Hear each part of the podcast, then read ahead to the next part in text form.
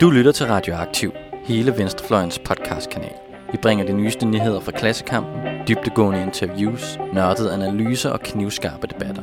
Hvis du kan lide, hvad du hører, så husk at følge os på SoundCloud eller din podcast-app, og du kan også smide et like på vores Facebook-side.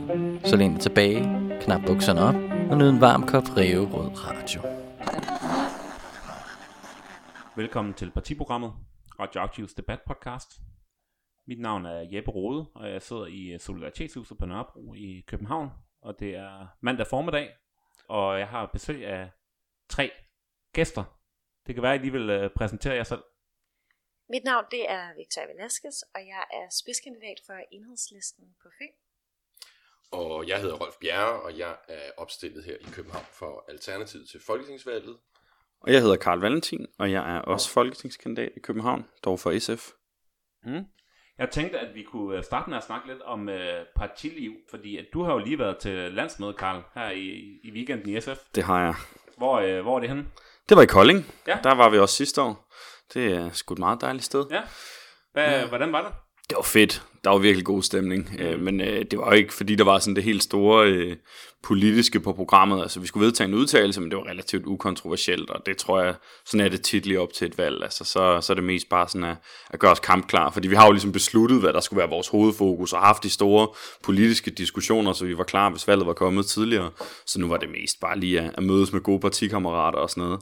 Og så øh, var det jo utrolig belejligt, at Liberal Alliance de holdt deres landsmøde samtidig, fordi det betød, at øh, vi virkelig kunne stille os op over for dem i pressen og, og vise forskellen på, øh, på dem, der gerne vil dele skattelettelser ud, og dem, der vil styrke velfærden. Og øh, i løbet af, af mødet, der fik vi også den bedste måling, vi har fået øh, siden sidste valg, og de fik den dårligste måling, de har fået siden sidste valg. Det gav også nogle fede pressehistorier. Mm. Så det var dejligt. Ja, det er vel også tit sådan, at øh, når det går godt i meningsmålingerne, så er der ikke sådan, så meget... Øh kritik og dårlig stemning. Og...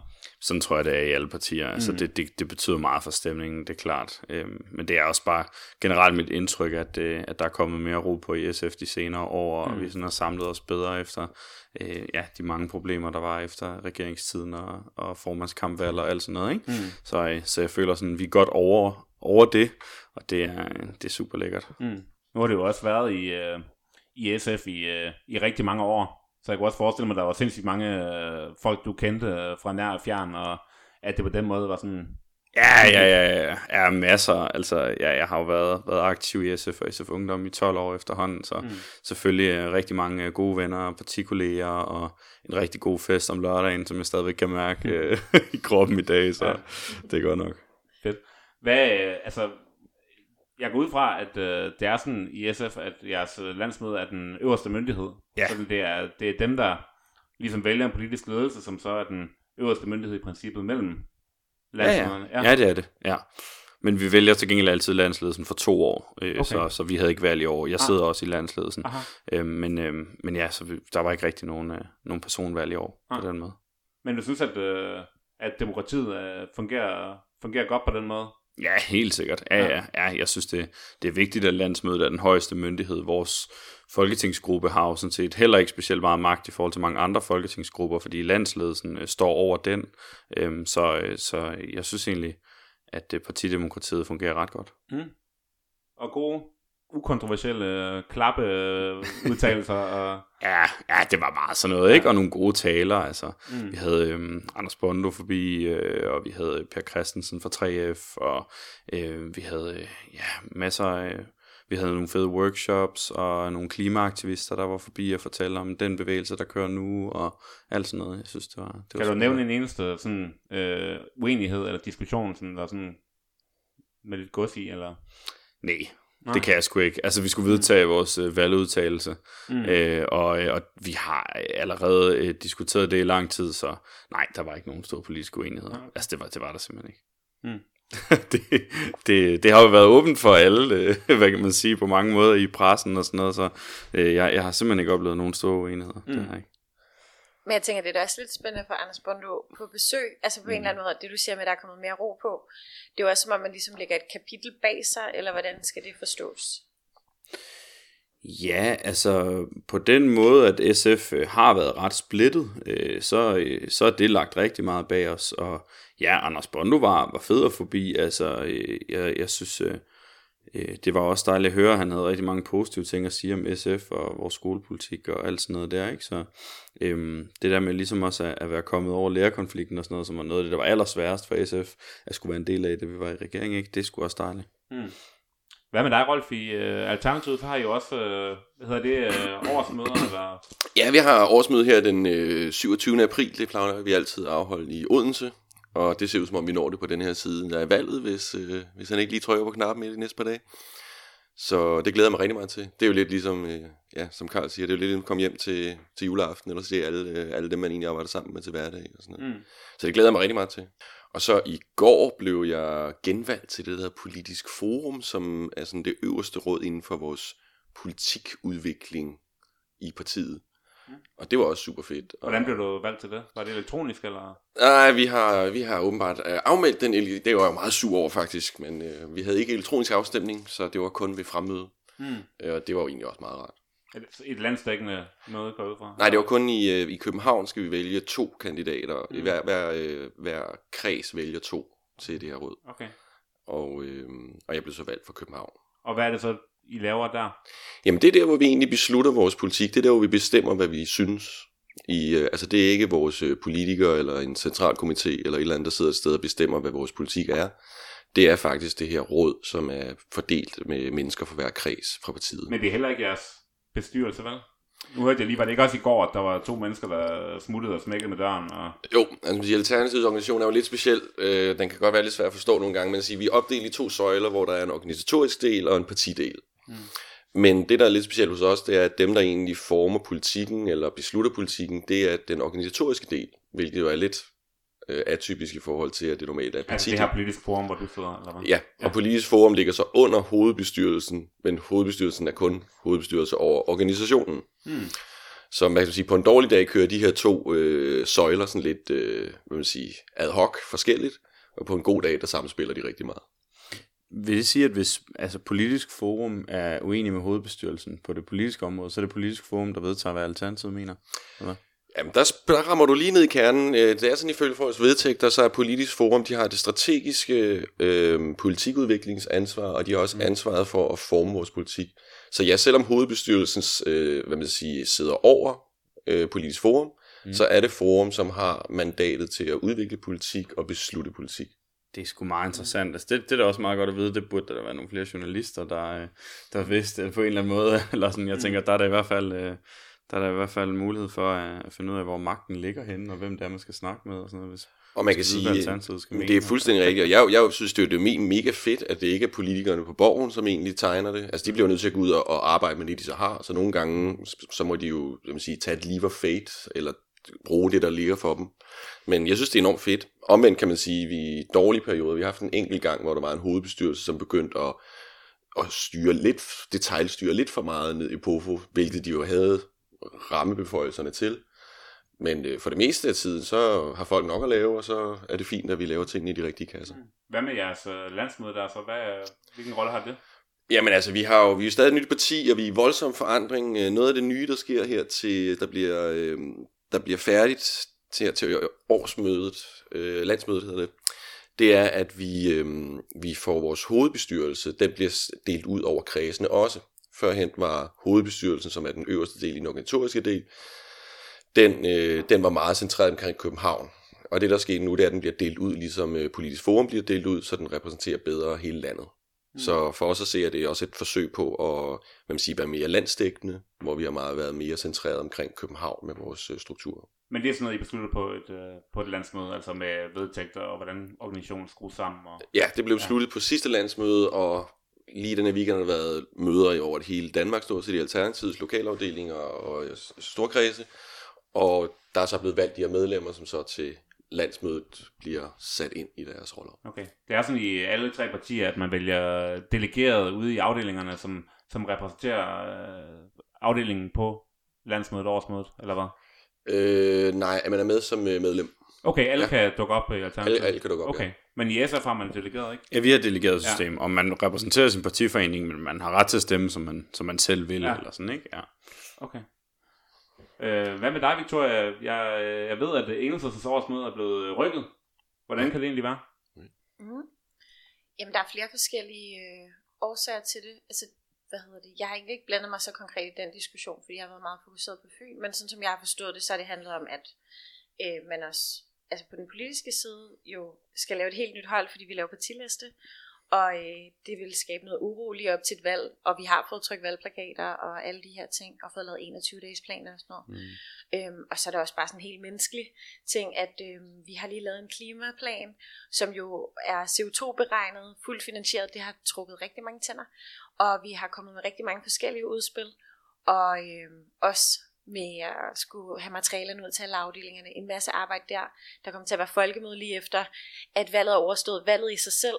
Øhm, så der er også en bekymring af, hov, vil folk faktisk knække lidt over, hvis de skal lave en valgkamp, eller undskyld, et årsmøde oveni, fordi vores årsmøde er altså virkelig store, der er rigtig meget arbejde i den forbindelse, rigtig mange politikker, der skal diskuteres, og der var der også nogle afdelinger, der sagde, hey, vi prøver faktisk at starte valgkampen op, og hvis vi så også skal øh, til at forholde os til noget internt politisk, mens vi egentlig prøver at være eksterne, det, det harmonerer ikke helt med hinanden. Mm. Så der var ret mange årsager til, som jeg forstod det fra sidelinjen mm. til, at det er blevet rykket.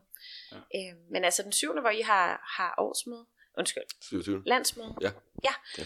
Øh, der har vi møde i Fagligt Landsudvalg, hvor jeg sidder øh, som medlem, og hvor jeg sidder i sekretariatet.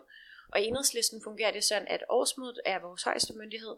Vi vælger også en hovedbestyrelse, øhm, som også står over Folketingsgruppen. Men så har vi nogle udvalg på nogle forskellige områder, hvor fagligt landsudvalg det, øh, beskæftiger sig med arbejdsmarkedspolitik, kan man sige, lidt bred forstand. Øhm, og der udvikler vi også nogle handlingsplaner og nogle politikker, og hjælper også folketingsmedlemmerne med, at, med deres lovarbejde. Men vi får det godkendt i hovedbestyrelsen. Altså så selvom vi udformer det, fordi vi har mere fingeren på pulsen og viden, end dem, der sidder i hovedbestyrelsen måske har, så får vi stadig øh, det demokratiske mandat. Altså ved at hovedbestyrelsen godkender det arbejde, vi laver løbende. Også når vi laver materiale og sådan nogle forskellige ting. Vi har lige opdateret vores pensionsflyer, pensionsudspil og, og sådan nogle ting. Men det hele store ja. er vel øh, årsmødet. Mm. Der kommer jo, hvad, 400 mennesker? Eller? Ja. ja, det er ret vildt. Altså, delegeret, tror jeg ikke, og så er der også ja. gæster fra hele verden og presse og alt muligt. Mm. Ja. Men jeg glæder mig ret meget, fordi det er også en måde at høre på, hey, hvordan går det hos jer, og at man ligesom mm. får set hinanden og får erfaringsudvekslet og diskuteret politik. Mm. Men det bliver spændende, om I, om I så er gået frem, eller hvordan det ser ud. Ja, helt vildt. Mm.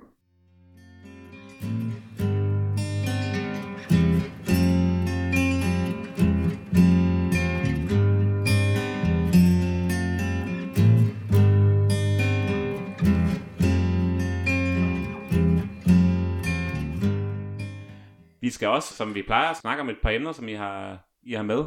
Rolf, du vil øh, selvfølgelig gerne snakke om noget øh, IT-nørdet. Øh, ja, men det er jo det. Jeg er jo nogle gange lidt den digitale trold i klassen her. Øhm, nej, men altså, det store for mig under hele den her valgkamp, det er, at jeg er gået i gang med at lave... Øh, vi skal også snakke om nogle af de andre småpartier bagefter, men, øh, men øh, noget af det, det, jeg synes, der er mest spændende valgkamp for mig, det er, at jeg vil lave det, noget, der hedder Danmarks næste IT-politik. Og, øh, og det betyder, at det er noget, jeg laver sammen med politikere fra alle andre partier. Øh, og det betyder, at jeg laver det med en masse interesseorganisationer. Det er en måde at prøve at lave en ny form for lobby ind mod Folketinget, fordi jeg synes, de strukturer, vi har, ikke rigtig fungerer. I Alternativet har vi jo kommet med de her borgerdrevne forslag, som er blevet indført i øh, Folketinget, men vi skal, vi skal langt længere end det. Og så det, jeg egentlig har sat mig for, det er at prøve at lave en, en udvidelse af, hvordan kunne sådan noget lobbyvirksomhed foregå helt ned fra befolkningen og helt op til Folketinget. Og nu har jeg holdt en 10 møder, og øh, et af de emner, der er kommet meget på plakaten, det er det her 5G. Og det er godt nok en debat af polariserede dimensioner. Jeg har været i mange debatter, men 5G-debatten, øh, det er indtil videre den mest absurde debat. Hvad er det 5G er? Jamen 5G er det her nye, de her nye telemaster, vi er ved at få indført, som, øh, som gør, at vi kan få selvkørende biler, og vi kan downloade en film på et splitsekund, og lige pludselig begynder vores devices at være, hvad man siger, med så, så lav latency, med så lav forsinkelse, at nettet begynder at føles anderledes for os, når vi går rundt. Det, det er det, vi skal bruge til det der IoT, når køleskabene begynder at snakke til os, og al den her moderne fremtid, som rigtig mange synes er fantastisk. Men der er en kæmpe gruppe, som er mere end bekymret for, hvad stråling ligesom gør vi. Altså det er trådløst internet, ikke også? Ja, det er trådløst ja. internet. Så ja. det, det, er, det, er nogle, det er nogle stråler, som vi øh, ændrer på, øh, fra det gamle 4G og sender ud over det ganske land. Og der er en masse holister og også nogle forskere og også øh, folk af, af en vis støbning, som efterhånden er begyndt at sige, hey, jeg, jeg kan mærke stråling, hey, det her det gør mig syg. Øh, og de står i meget skarp kontrast til de her andre mennesker, som så siger, at der er ikke noget problem. Øh, så der mangler simpelthen en debat på det område, fordi enten får vi en masse bekymrede borgere, som der ikke er lyttet til, øh, og i værste fald måske vil jeg putte noget ind i vores samfund, som slår alle bierne ihjel. Det, det er der i hvert fald, hvad man siger, forskning, der siger. Mm.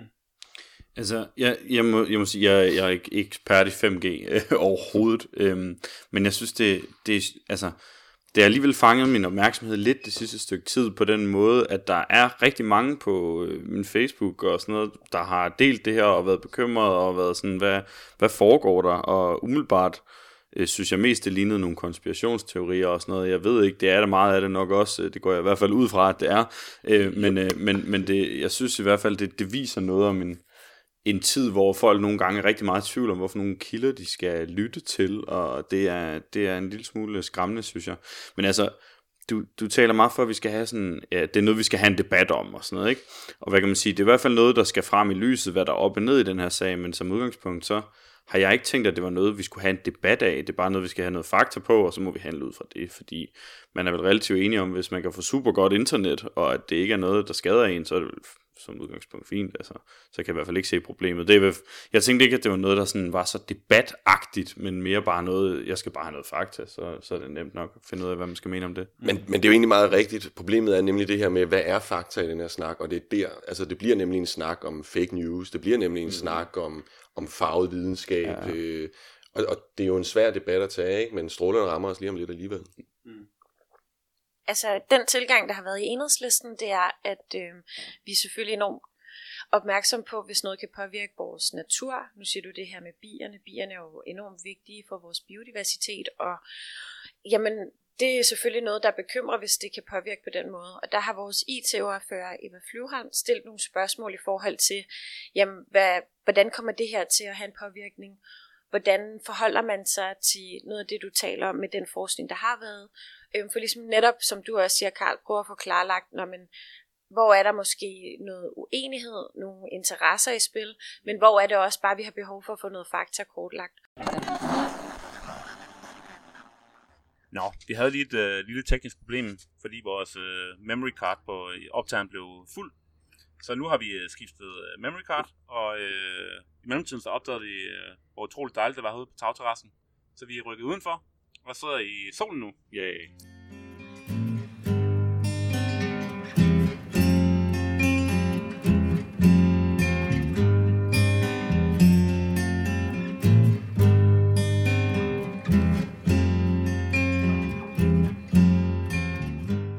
Hvad er det for et emne, du har taget med, Victoria?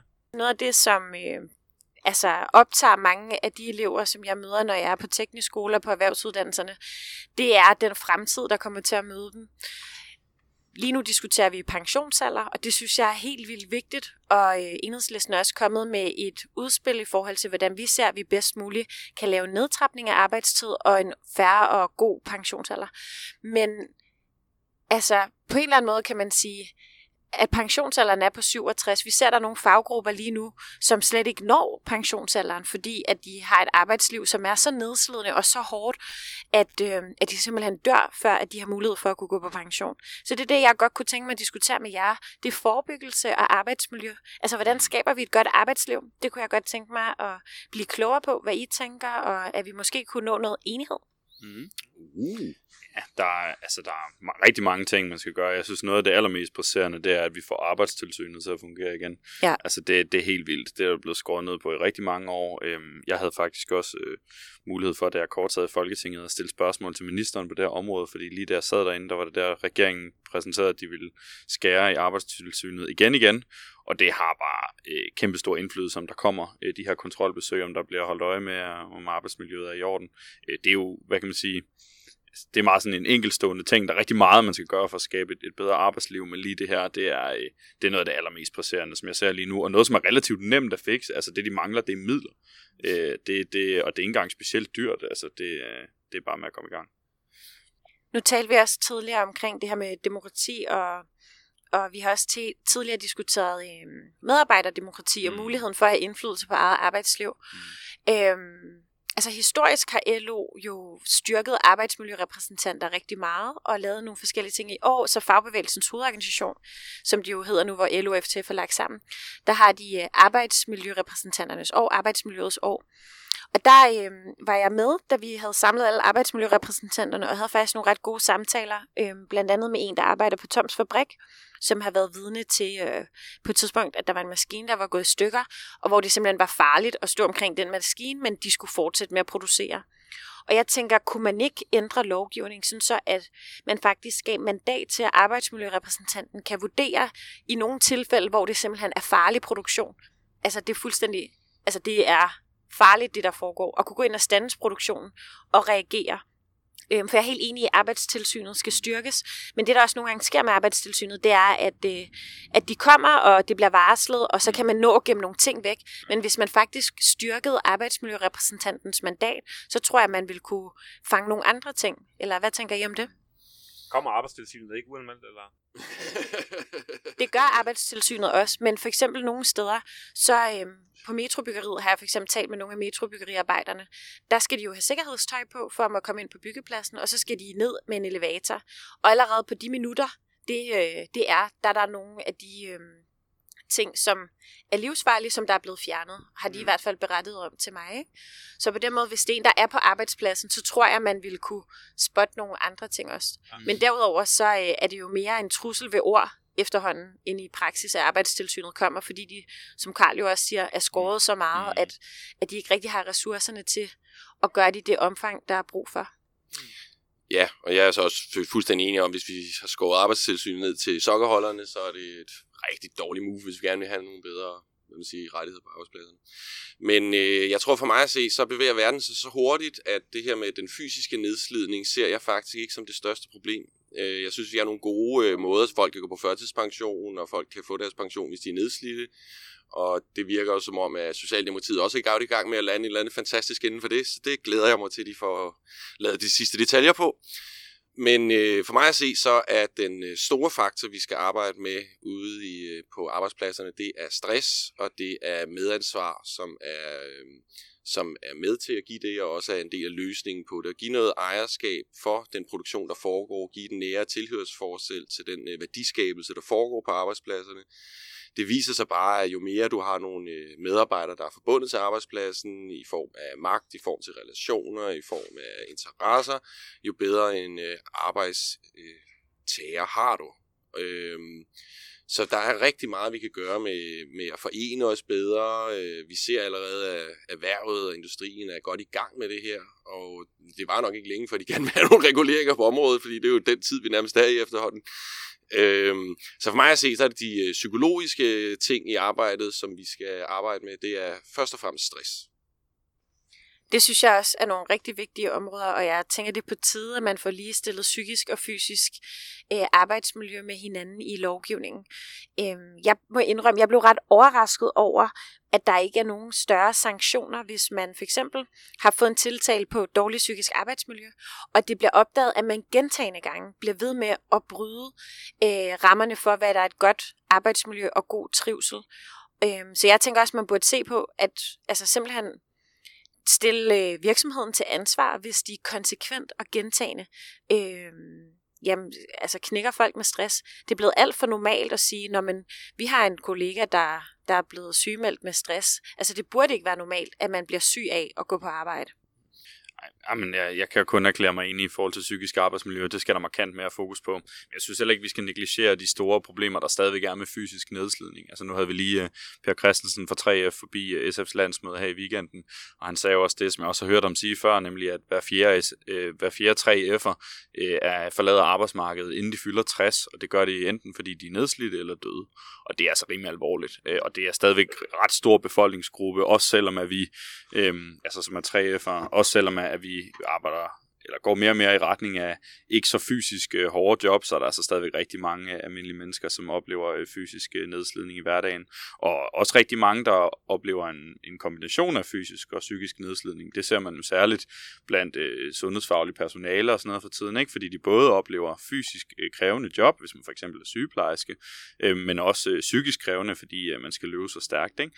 Så der er nogle store udfordringer. Jeg tror egentlig, hvis vi skal tage det lidt større perspektiv, er noget af det bedste, man kan gøre for at sikre et bedre arbejdsmiljø, det er det her med at styrke øh, hvad hedder det, medarbejderdemokrati, og at, at øh, folk de har mere indflydelse på deres hverdag, på deres arbejdsplads, øh, fordi øh, det er nok de færreste, der har lyst til at indrette deres egen øh, arbejdsplads på en måde, der, der slider dem ned, hverken øh, psykisk eller, eller fysisk, og, øh, og, og der tror jeg bare, øh, jamen det, det er et problem i dag, at alt for mange medarbejdere har alt for lidt at sige det sted, de arbejder. Mm. Øh, så, så det tror jeg, er, det må være det store mål, øh, hvis man skal virkelig få skabt bedre arbejdsmiljø, det er at sørge for, at man har, har mere skulle have sagt der, hvor man øh, har sin hverdag på arbejde. Nu så jeg lige Lars Lykke og Mette Frederiksen i, i går i den her øh, mm. tv-debat. Ja. Øh, og udover at Mette Frederiksen ikke kan svare på, hvad det er for nogle grupper, der får, får ret til at trække sig tilbage tidligere, så, øh, så stod de og var uenige om, det var 3.000 eller 6.000 øh, mennesker i den her plan. Og lad må man jo bare sige, at det forstår jo altså som en skrædder i helvede i forhold til, øh, i forhold til at vi er øh, flere millioner øh, arbejdere i det her land. Øh, Victoria? Ja, og plus at selv med deres forslag, så ville en 17-årig murer i dag først kunne gå på pension, hvis murerne altså er indbefattet, gå på pension som 72-årig. Så det skriger jo også til himlen, synes jeg, på at, øh, at deres, altså det er fedt, at de er kommet på banen med noget, men at deres øh, forslag slet ikke er godt nok altså noget af det, som jeg også nogle gange bliver bekymret over, det skete faktisk også til, jeg var til paneldebat hos FOA Ungdom til deres landsmøde i går, og der øh, var der øh, flere, der ligesom påtalte, at jamen, at de her unge mennesker, de øh, vil jo selvfølgelig blive nedslidt af det her arbejde, men så, nu siger jeg det lidt poleret, men, men, men at de alligevel kunne uddanne sig og efteruddanne sig, sådan så de kunne rykke hen i et arbejde, som ikke var lige så nedslående. Og der tænker jeg bare, at det er helt vildt vigtigt, at vi siger, hey, stop lige. Altså, det er vigtigt, at man kan have et arbejde, hvor man ikke bliver nedslidt i første omgang. Og selvfølgelig skal der være gode muligheder for at kunne efter- og videreuddanne sig. Men uddannelse skal ikke være et eller andet individualiseret problem for at man kan klare sig indtil, at man når pensionsalderen. Øhm, og der var også en, som sagde, en øh, socioassistent, som sagde, prøv at høre, det her, det er mit drømmejob. Det er det her, jeg vil. Det er det her, der giver mig mening. Og så vil jeg hellere tage nogle smertestillende for at blive her, end at efter videreuddanne mig til noget, hvor jeg ikke kan gøre lige så stor en forskel. Og det synes jeg også... Øh, viser, at der er nogle mennesker her, som ved, at deres arbejde er så vigtigt, og der, øh, altså, der bliver vi bare nødt til at skabe nogle rammer, der gør, at de kan klare at have det arbejde, uden at blive helt slidt ned. En anden ting, jeg tænker, der er vigtigt, det er i forhold til arbejdstilsynet, fordi nu taler vi rigtig meget op, at de selvfølgelig skal styrke, så de skal have nogle flere ressourcer. Men der er også et problem ved arbejdstilsynet, som jeg også har oplevet, da jeg arbejdede i HK.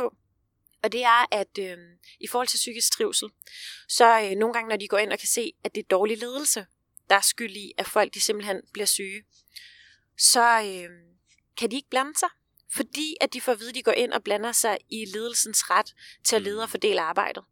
Og der tænker jeg, der bliver vi også nødt til at gøre noget ved det, fordi det kan simpelthen ikke være en arbejdsgivers ret at lave dårlig ledelse. Så der synes jeg også, at vi skal give arbejdstilsynet et bedre mandat til at kunne gå ind og blande sig i ledelsens ret til at, at lede og fordele arbejdet, så at fokus må være medarbejderens trivsel og det gode arbejdsliv. Men det spiller jo så ind i, at vi vil også gerne have et øh, arbejdsmarked, som er relativt frit uden for mange begrænsninger, så kan de ligesom selv udvikle sig.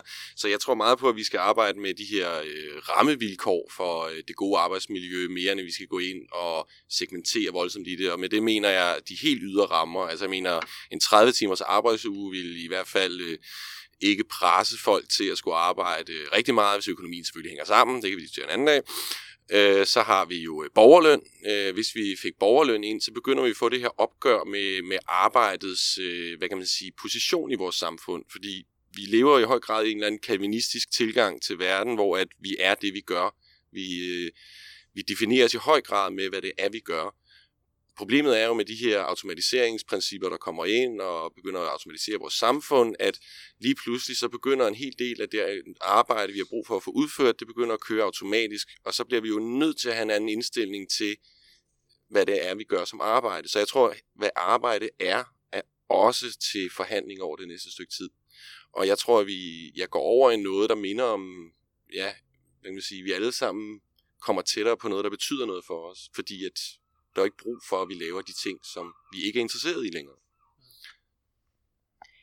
Jeg ved ikke, om borgerløn nødvendigvis er løsningen, men i hvert fald så tænker jeg, at det er vigtigt, at man har et niveau af, at man kan være på en overførselsindkomst, som gør, at man har råd til at sige fra over for et dårligt arbejde, og lade være yes. med at tage nogle skåret jobs, uden yes. at, at opleve en social derute.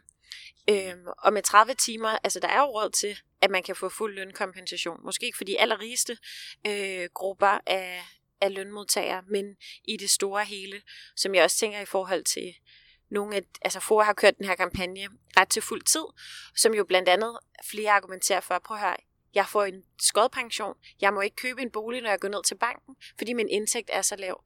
Med 30 timers arbejdsuge med fuld lønkompensation, så vil de jo også blive løftet rent lønningsmæssigt, sådan så de også har de samme øh, muligheder.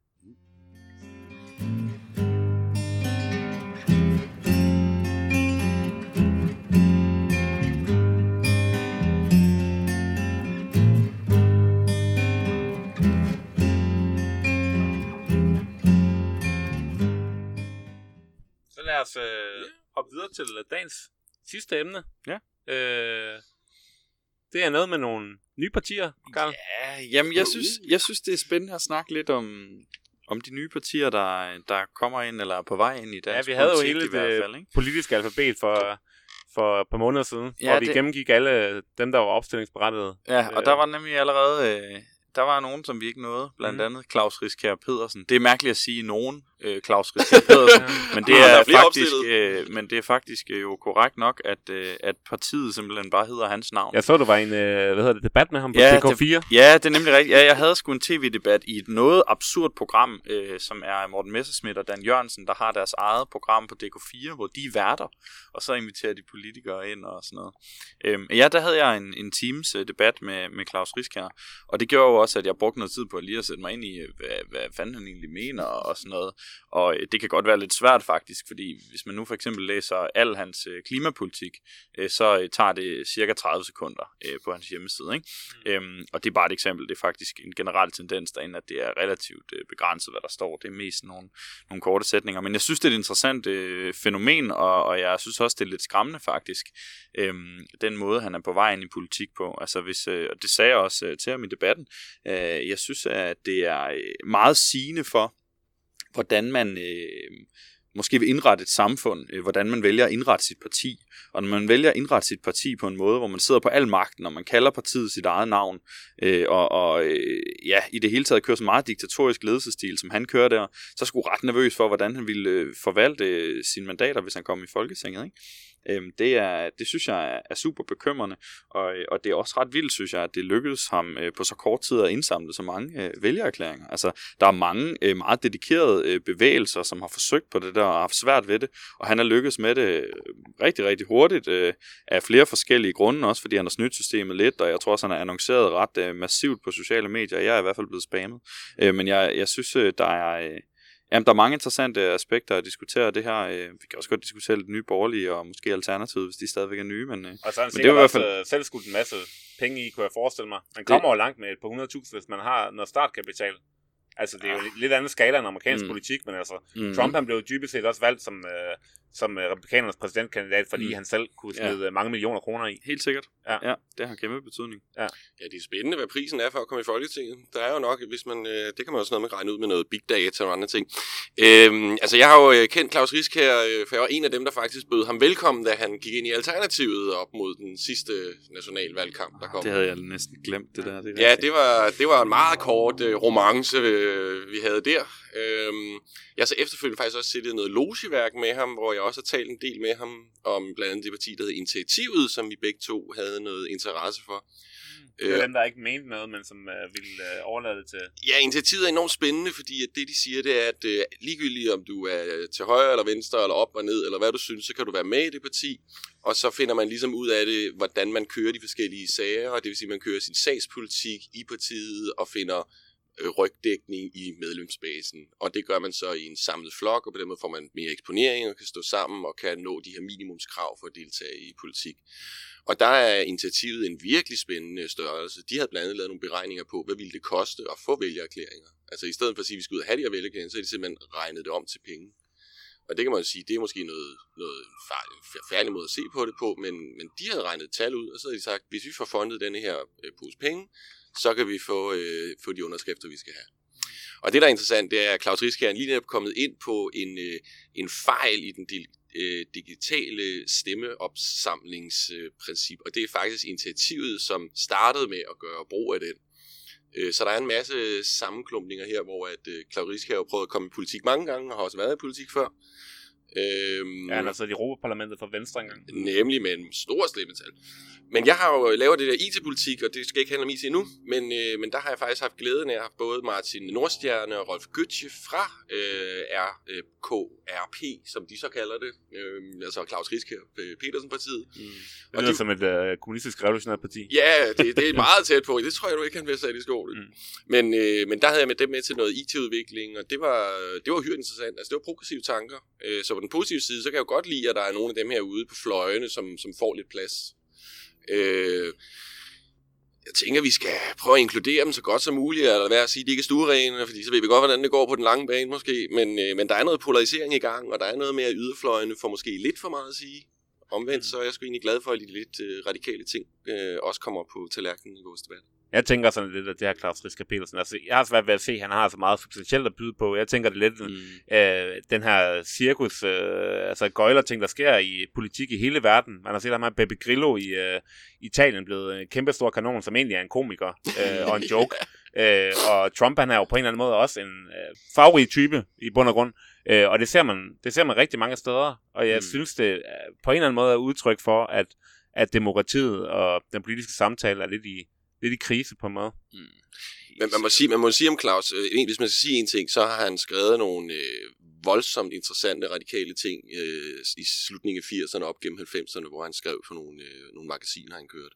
Og der beskriver han nogle af det her, øh, den her fremtidens peer-to-peer-verden, hvor, at vi, hvor vi er nære forbundet og finder ud af tingene på nogle nære måder. Meget af det, han har skrevet dengang, synes jeg er virkelig værd at læse, og noget af det skarpeste på, hvad det er for en fremtid, vi egentlig går ind i. Så jeg synes, Claus Riskærs øh, analyser kan være øh, virkelig interessante. Så synes jeg, der går lidt øh, stor mand, øh, stor mand, mig, mig, mig øh, i det nogle gange, når det skal ud i den anden ende. Men, men hans analyser synes jeg er voldsomt interessante og anderledes at lytte til en politisk rum. Men jeg tænker også, det er vigtigt ikke kun at høre på, hvad folk siger, men også, hvad de gør. Og i forhold til, hvordan han har snydt vælgererklæringssystemet, så har han jo gjort det sådan, så den betænkningstid, man normalt har på de der syv dage, eller hvad det er, at den ligesom er blevet sprunget over. Så jeg ved ikke, altså, og de måder at snyde på og alt muligt. Altså, jeg ved ikke, der synes jeg bare, at praksis taler ret skarp for, at øh, ham synes jeg virkelig ikke, at man skal overveje at stemme på. Altså, hvis at... Øh, at det stod til mig. Selvfølgelig må folk stemme, hvad de har lyst til. Men øh, det er i hvert fald ikke en, jeg kan anbefale, at man lægger sin tillid til. Jeg synes, det er udtryk for også, at der er en politikerled, og der er en frustration, mm. øh, som jeg egentlig kan synes er berettiget. Altså, jeg synes, det var lidt interessant. Nu så jeg også programmet i går aftes med Mette Frederiksen og Lars Lykke, hvordan at Mette Frederiksen sagde nogle fornuftige ting omkring øh, nedslidning, pensionsalder og de her ting.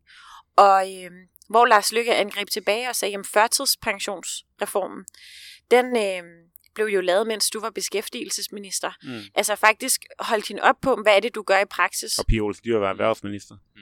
Ja, og det er der, hvor at jeg synes, at det er vigtigt, at man ikke kun hører på, hvad det er, der kommer ud af munden på folk, men også helt konkret, hvad er det for en politik, der bliver skabt i praksis. Mm.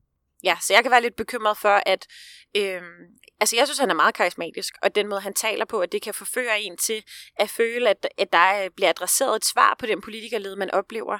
Øh, men jeg synes bare, at hans handlinger viser, at han ikke er løsningen på det. Tværtimod, så tror jeg, at han vil være med til os at skabe endnu mere politikerled.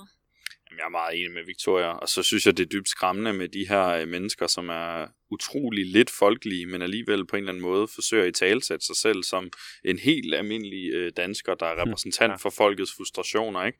Altså, øh, han, øh, han er en, en, øh, en rigmand, en erhvervsperson, der i øvrigt også har været i politik tidligere, så i Europaparlamentet og alt muligt, og han prøver at talsætte sig selv som en, en sådan helt øh, standard borger. Øh, det er, øh, jeg synes bare, det, det er useriøst, øh, og det er, øh, jeg synes, det er lidt skræmmende, hvis man kan have succes med det. Ikke? Altså, Trump er jo også øh, virkelig eksempel på, at det på en eller anden måde godt kan lade sig gøre, i hvert fald, mm. at, at få, øh, få i talsat sig selv som noget helt andet, end det man egentlig er. Hvad tænker jeg egentlig om selve systemet med, øh, altså med spærregrænsen og med de her vælgererklæringer og sådan noget? Er det for let eller for svært at, at lave et nyt parti, og, og sådan er det noget, I godt kunne tænke jer at lave om? Jeg synes, at øh, altså selvom man kunne blive fristet til at sige, at spærgrænsen skal blive, hvad den er, fordi det kan ligne, at Nye Borgerlige ikke kommer over, og Claus Riske og sådan noget, så synes jeg, at spærgrænsen er for høj. Øhm, og det vil jeg egentlig holde fast i, lykkeligt, hvem det er, der er tæt på den spærgrænse. Og jeg synes det også, det er problematisk, at I begge to fortæller omkring det her med, hvor mange penge, der skal bruges for at, at kunne gøre sig valgbar. Altså det viser jo også, at der er nogen, der allerede fra målstarten af ikke har den samme chance. Så hvis vi gerne vil have et reelt levende demokrati, så synes jeg også, det er vigtigt, at man ikke skal have pengepunkten fyldt med guld for at kunne gøre det. Og der er jeg i hvert fald glad for i enhedslisten, at vi betaler ikke selv for vores øh, valgplakater og transporten. Øh, når jeg tager toget, så er det heller ikke mig selv, der skal punge ud. Så det er noget som kollektiv, at vi bliver enige om, hvem er kandidater, så betaler vi i fællesskab for det. Øh, sådan så at man ikke skal have en masse penge for at, at turde sige ja til at stille op. Øh, hvor det kan jeg jo se, det er jo noget andet hos nogle af de andre nuværende partier, men også øh, eksemplet med Claus Riskjær, altså der, der er det lidt noget andet, og så bliver det jo ikke et demokrati, altså hvis det handler om at have helt vildt mange penge for at kunne stille op. Mm. Jamen, jeg er helt enig, og vi, øh, vi ser jo i høj grad, at stemmetiden, den trumfer, øh, undskyld, at pengesedlen, den trumfer stemmetiden. Altså, at, mm. at man kan købe sig til indflydelse, og vi er bevæger os i digitale miljøer, hvor du i den grad kan købe dig til manipuleret øh, eller farvet kommunikation til dine målgrupper. Og så hvis vi vil have demokratiet tilbage, så skal vi til at have, have det her økonomi ud af det på den ene eller anden måde, og en del af, af svaret kunne være noget af det, enhedslisten laver med, med en mere solidarisk brug af, af midler. Ja, I forhold til pengepolitik, så så der er ikke nogen tvivl om, at folkemagt det står i modsætning til pengemagt. Mm. Og derfor så, øh, så skal vi sørge for, at penge spiller en, en markant mindre rolle i, i politik. Jeg tror i forhold til spærregrænsen, der, det er ikke noget, jeg har brugt voldsomt meget tid på at diskutere med folk, men jeg synes egentlig 2%, øh, som den er i Danmark, er, er relativt fint. Øh, der er mange lande det er meget lavt, omkring jo. os. Ja, der er nemlig mange lande omkring os, hvor den er højere, øh, og hvor at, at man kan se, at der er nogle relativt store grupper, som ikke føler sig repræsenteret, og der er også mere stemmespil i den forbindelse, hvis man ikke har valgforbund og sådan noget. Men jeg synes egentlig ikke, at det, det er super uretfærdigt, at man skal kunne samle 2% af borgerne for at, at komme i Folketinget. Det tror jeg egentlig, jeg synes er, er et mm. rimelig okay sted. Jeg mener, både i Norge og Sverige er den, mm. er den 5%. Det vil jo betyde, at... Øh, den er altså, vist 4 i Norge. Okay, øhm, så men så vil Alternativet for eksempel øh, også være ude, som, hvis der kommer valg nu, ikke? Mm. Øh, og, øh, og nye borgerlige, hvis der er en 3-4% af danskerne, der faktisk mm. synes, at, det, er, at de ja. repræsenterer dem, så ville jeg også synes, det var udemokratisk, øh, at de ikke, at de ikke var repræsenteret i Folketinget. Og faktisk vil jeg umiddelbart mene, at hvis man kunne få nok til et mandat, og det må så være, hvad hedder det, 0,6 procent eller et eller andet, altså en øh, ud af 179, ikke? Øh, altså burde man egentlig godt kunne, kunne have en siddende, tænker jeg. Jamen, jeg er helt enig. Jeg sad også som formand i Piratpartiet før jeg går over i Alternativet, så jeg har prøvet at være et af de her partier, der er svært ved at nå spærregrænsen.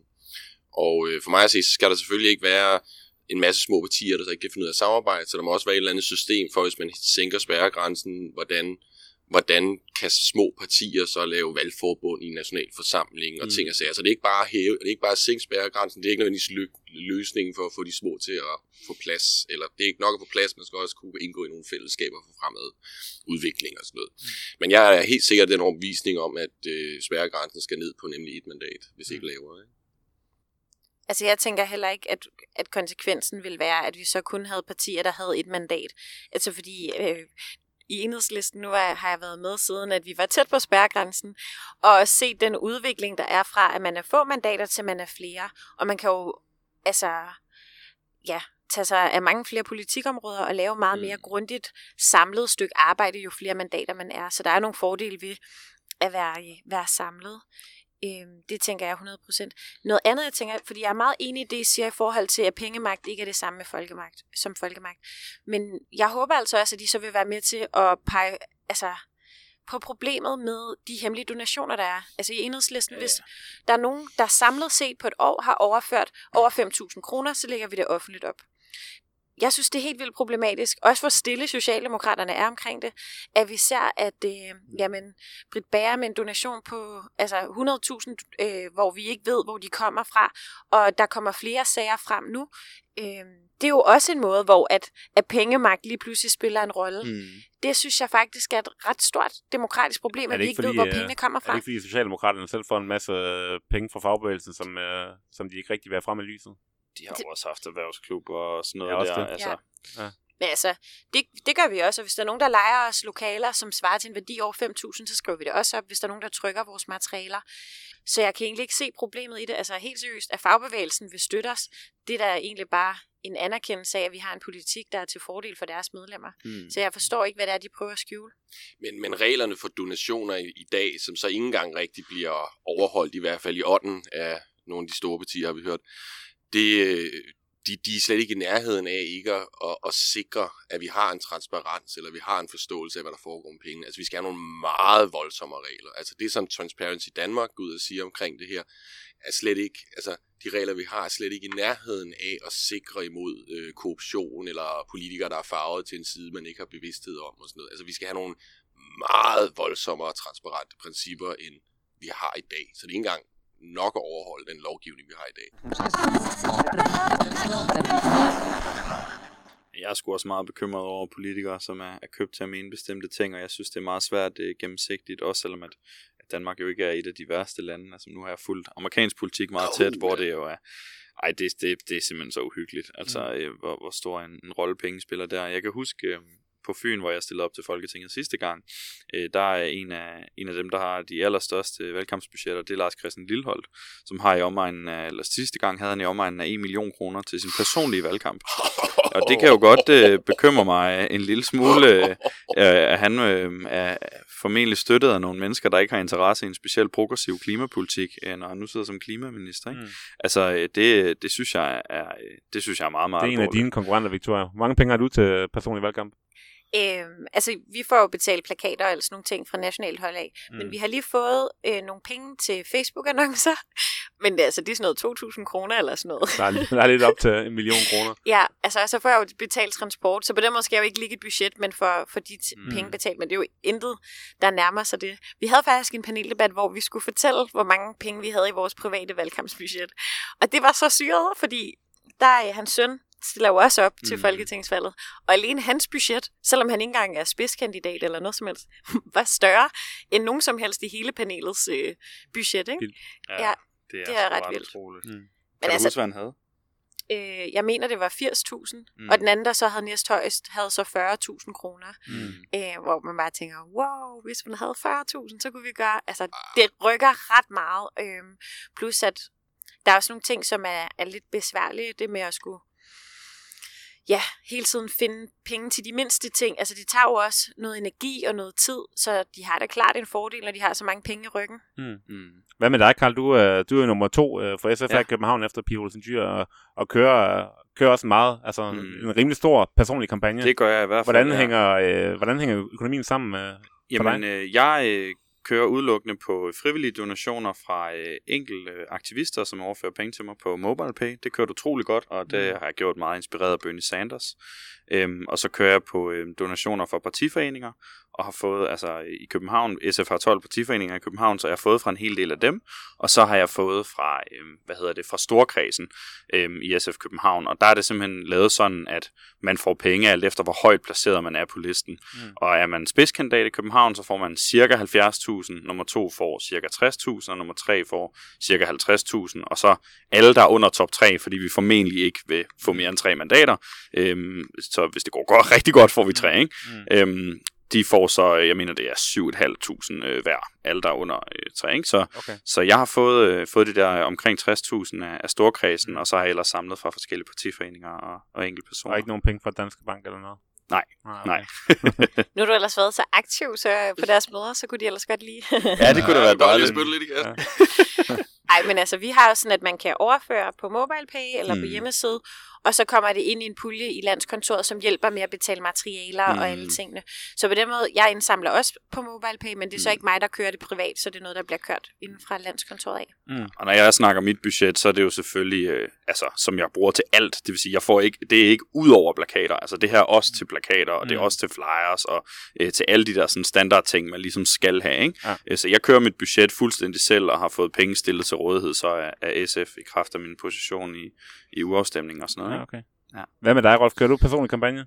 Ja, jeg kører personlig kampagne. Øhm, I Alternativet, der skal vi selv afholde øh, plakatbetaling, og, øh, Mm. og det sidste nye, det er faktisk også, at vi er blevet øh, pålagt, at vi har øh, vores eget ansvar. Altså de plakater, der ikke bliver taget ned, kommer vi også til at betale med øh, selvstændigt. Mm. Og det, det er en af det, der godt kan blive dyr i år, fordi priserne er sat voldsomt op. Øh, Så jeg går faktisk lige lidt for tiden og overvejer, om jeg kun skal have halvdelen af mine plakater op, fordi jeg simpelthen ikke har økonomien til det. Jeg har fået samlet, hvad jeg har fået samlet igennem MobilePay, øh, har jeg fået samlet en 9.000 kroner selv. Mm. Og jeg regner med at have udgifter for cirka 35-40.000 i min valgkamp. Okay, så der kommer du til at smide nogle penge selv? Ja, jeg kommer til at smide penge til. Ja, okay.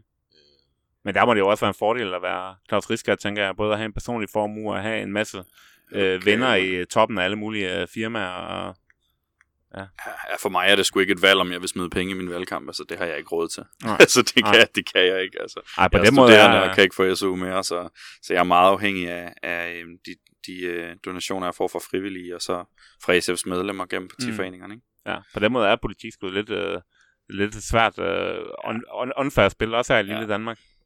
Ja, helt vildt. Altså, også i forhold til tobaksindustrien, de går også ind og investerer penge, altså der er, en- og bankerne og sådan nogle Mm. ting. Øhm, og det er jo der, hvor at, at vi jo faktisk på en eller anden måde i lang tid i Danmark på venstrefløjen har kørt en Bernie Sanders kampagne. Altså netop Mm. det her med, hvor vigtigt det er for at lægge nogle frivillige timer, eller de små øh, beløb, de donerer. Øhm, jeg lavede et, et opslag på min private Facebook, og et opslag på min Facebook-side. Og øh, sådan som jeg forstod, så er der allerede kommet øh, over 3.000 kroner ind.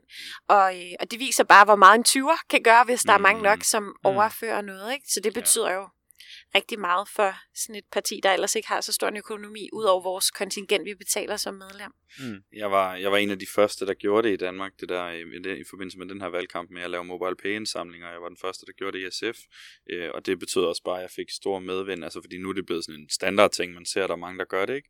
Men jeg, fik, jeg har fået 12.000 ind indtil videre, bare på små donationer. Mm. Og det, er jo også, det har også været, fordi jeg har været tidlig ude, og fordi folk også godt ved, at jeg har været aktivist i mange år, og jeg ikke har så forfærdeligt mange penge nødvendigvis til min valgkamp og sådan noget. Mm. Øhm, det, det betyder sgu meget. Altså, jeg synes, det, det flytter noget magt, øh, hvis venstrefløjen igen begynder at kunne, øh, kunne, kunne øh, eller ikke igen, men hvis venstrefløjen begynder på en eller anden måde at kunne samle penge ind på den måde, ikke? Altså, Jakob Mark fra SF, han har jo samlet over 100.000 kroner med MobilePay. Øh, det er jo helt vildt. Altså, det stiller ham i en helt anden position, hvor han øh, kan, øh, kan føre en meget stor valgkamp, uden at være afhængig af nogen øh, store donorer. Det er Mm. jo vildt fedt.